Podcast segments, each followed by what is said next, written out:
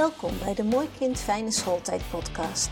Deze podcast maak ik voor ouders van kinderen in de basisschoolleeftijd die moeite hebben met leren. Dit kan ontstaan omdat je kind de taal van school niet begrijpt of school begrijpt de leerwijze van je kind niet goed, maar dit kan ook andere oorzaken hebben. Wil je als ouders voorkomen dat je kind vastloopt of het zelfvertrouwen verliest? Ga je bij de eerste signalen gelijk op zoek naar begeleiding omdat je denkt in mogelijkheden? Dan is deze podcast gemaakt voor jullie. Want ik weet dat er nog heel veel mogelijkheden zijn voor je kind. Met deze podcast help ik jullie graag bij jullie zoektocht naar de beste ondersteuning. Welkom, leuk dat jullie weer luisteren. Deze keer wil ik het graag in mijn podcast hebben over een documentaire. Deze documentaire die gaat erover dat een grootvader in zijn persoonlijke zoektocht naar in wat voor onderwijsveld zijn 3,5 jaar kleinkind terecht gaat komen. Hij was daar erg benieuwd naar, omdat, nou ja, met vier jaar gaan ze naar school. Dus hij dacht, waar komt ze in terecht? Hij sprak hierover met deskundigen van verschillende disciplines, die zijn zorg inderdaad bleken te delen, en hij werd er wijzer van. Gelukkig maar. Maar waarom deel ik dit met jullie? Omdat het mij zo erg trof. Deze grootvader kijkt naar zijn kleindochter van bijna vier en hij vraagt zich af in wat voor onderwijsveld zij terecht zal komen. Hij spreekt met leerkrachten of ex-leerkrachten, pedagogen, psychologen en ex-lerarenopleiders of lerarenopleiders die zijn zorgen begrijpen. Want hoe kan er recht gedaan worden aan het unieke van de kleuterperiode wanneer het schoolse leren ook voor zulke jonge kinderen de norm is geworden? Hij ontdekt dat de meeste verwijzingen naar de kinderpsychiatrie in Nederland al sinds decennia vanuit het onderwijs tot stand komt. Zou dat verontrustende gegeven ons niet moeten wakker schudden? En waarom hebben wij in ons onderwijsstelsel eigenlijk een knip aangebracht bij de leeftijd van vier jaar, terwijl dat elders in Europa pas bij zes of zeven jaar gebeurt? De leeftijd waarop gemiddeld genomen de fase van de early childhood overgaat in die van het jonge schoolkind. Tijd dus voor hem om een kritische blik op de fundering van ons funderend onderwijs te werpen. De bedoeling van deze film is een pleidooi voor onderwijs dat PABO-studenten en leerkrachten helpt de ontwikkelings- en leerprocessen van kleuters beter te begrijpen want te veel afgestudeerden van Pabo staan met hun handen in het haar als zij in de onderbouw van de basisschool aan het werk worden gezet. Lesgeven aan de onderbouw, betogen de geïnterviewden in de film, is een heel andere uitdaging dan een groep van 20 of 30 kleuters op een didactisch verantwoorde manier onder je hoede te nemen. Een ander doel van de film is een nieuw impuls te geven aan constructieve gesprekken onder professionals in het basisonderwijs, schoolbesturen, docenten, wetenschappers en overheid, beleidsmakers, inspectie en de onderwijsministerie over het fundament van ons funderend onderwijs. Welke visies op de ontwikkeling en het leren van jonge kinderen zijn op dit moment leidend? Op basis van welke aannames en of welke kennis? En wat dient daarin wellicht ter discussie te worden gesteld, ter wille van onderwijs dat beter aansluit op het ontwikkelingsniveau van de gemiddelde kleuter? Zouden we niet wat meer oog moeten hebben voor ontwikkelingsprocessen die op de lange termijn vruchten afwerpen dan voor leerresultaten op de korte termijn? De geïnterviewden in de film zijn het roerend eens over één ding de kleuter is geen schoolkind. En dit kan ik bijna wel uitroepen.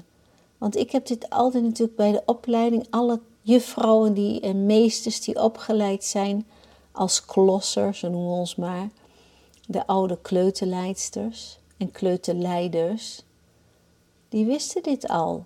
In onze opleiding werd niet over wat anders gepraat. We hebben drie jaar lang geleerd voor deze leeftijd.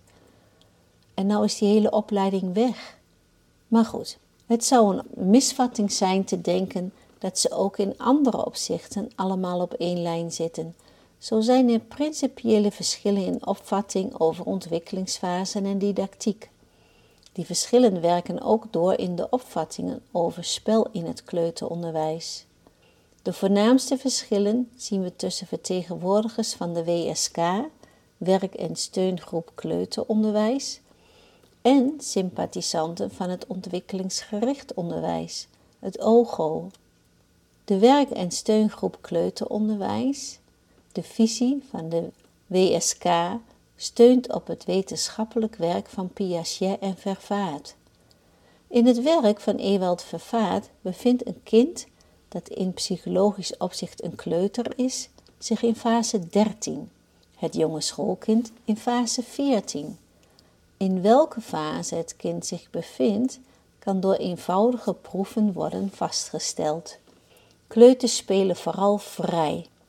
De leerkracht verrijkt het spel op het niveau van fase 13, maar stelt het kind in zijn spel niet voor taken die op het niveau liggen van het jonge schoolkind. Kinderen in fase 13 hebben baat bij klank- en vormspelen. Door het fase 13 kind klankanalyse, rijmen, wisselrijmpjes en dergelijke en oefeningen in vormbesef, uitknippen, overtrekken en dergelijke te laten doen, wordt het optimaal voorbereid op het lees- en schrijfonderwijs dat het als fase 14 kind zal krijgen. Ontwikkelingsgericht onderwijs, het OGO, deze visie op kleuteronderwijs, steunend op onder andere het werk van Vygotsky, gaat ervan uit dat de ontwikkeling van een kind te beïnvloeden is. Zonder motivatie, zonder kinderen zelf, kun je ze niet ontwikkelen, horen we Helma Brouwers ergens in de documentaire zeggen. De ontwikkeling van een jong kind wordt hier dus niet gezien als een proces dat zich primair van binnenuit voltrekt. Betekenisvolle activiteiten leveren vanuit deze zienswijze een belangrijke bijdrage aan ontwikkelings- en leerprocessen, waarbij het kind in de zone van de actuele ontwikkeling stimulansen krijgt om naar de zone van de naaste ontwikkeling toe te groeien. De leerkracht sluit aan bij de natuurlijke nieuwsgierigheid van de kinderen en begeleidt ze bij voor hen betekenisvolle activiteiten waarin zij de wereld om hen heen kunnen verkennen. Zo wordt de ontwikkeling gestimuleerd. Deze man heeft het voor elkaar gekregen om met toppers te spreken, deze opa. Om uit te zoeken met welke zorg hij al langer rondliep en waarschijnlijk zijn wil aan de kaart te stellen wat wij al langer weten, maar niet meer benoemen. Ik voelde me ook gezien en gehoord door deze man, maar schaamde me ook wel dat ik geaccepteerd heb dat het zo gaat. Ik noem het wel eens in deze podcast tenminste iets over, of ik plaats iets op social media met een boodschap erin, maar daar blijft het ook bij. Ik was er echt ontroerd van. Zie, heb ik het toch wel goed gehad al die tijd, en kijk hoe jammer het is dat het zo moet gaan. De documentaire is dan ook een pleidooi voor het onderwijs, dat PABO-studenten en leerkrachten helpt de ontwikkelingsprocessen van peuters en kleuters beter te begrijpen. Voor onderwijs dat jonge kinderen veel vrij laat spelen en ze niet vanuit opgelegde doelen dwingend stuurt. Er komen waardevolle verhalen en protestgeluiden in naar voren. Tenminste, mij spreken ze aan, maar dat komt omdat ik het ermee eens ben. Ik hoop dat jullie allemaal deze documentaire gaan kijken en dat we met z'n allen toch proberen om de kinderen beter te begrijpen en te begeleiden. En natuurlijk dat het beleid voor deze jonge kinderen verandert. Want eerder beginnen met alles zoals letters leren heeft voor de meesten totaal geen zin. Beste mensen, deze keer was het een zeer korte podcast, omdat ik hoop dat jullie gaan kijken naar deze documentaire te vinden op YouTube met als titel Het kind en het badwater. Kijken hè? Voor nu bedankt voor het luisteren en tot gauw. Bedankt voor het luisteren naar deze podcast. Wil je meer Mooi Kind Fijne Schooltijd podcast beluisteren? Abonneer je dan op deze podcast. Luister je via Spotify? Klik dan op volgen en op het belletje. Dan krijg je een bericht als de volgende podcast er is. Vertel ook anderen over deze podcast. Heb je aanvullingen, ideeën of tips? Dan hoor ik dit graag. Je kan met me in contact komen via Instagram of LinkedIn. Een mail sturen kan ook. Stuur deze dan naar info.eigenleerweg.nl En natuurlijk mag je ook een review achterlaten. Heel graag tot de volgende aflevering.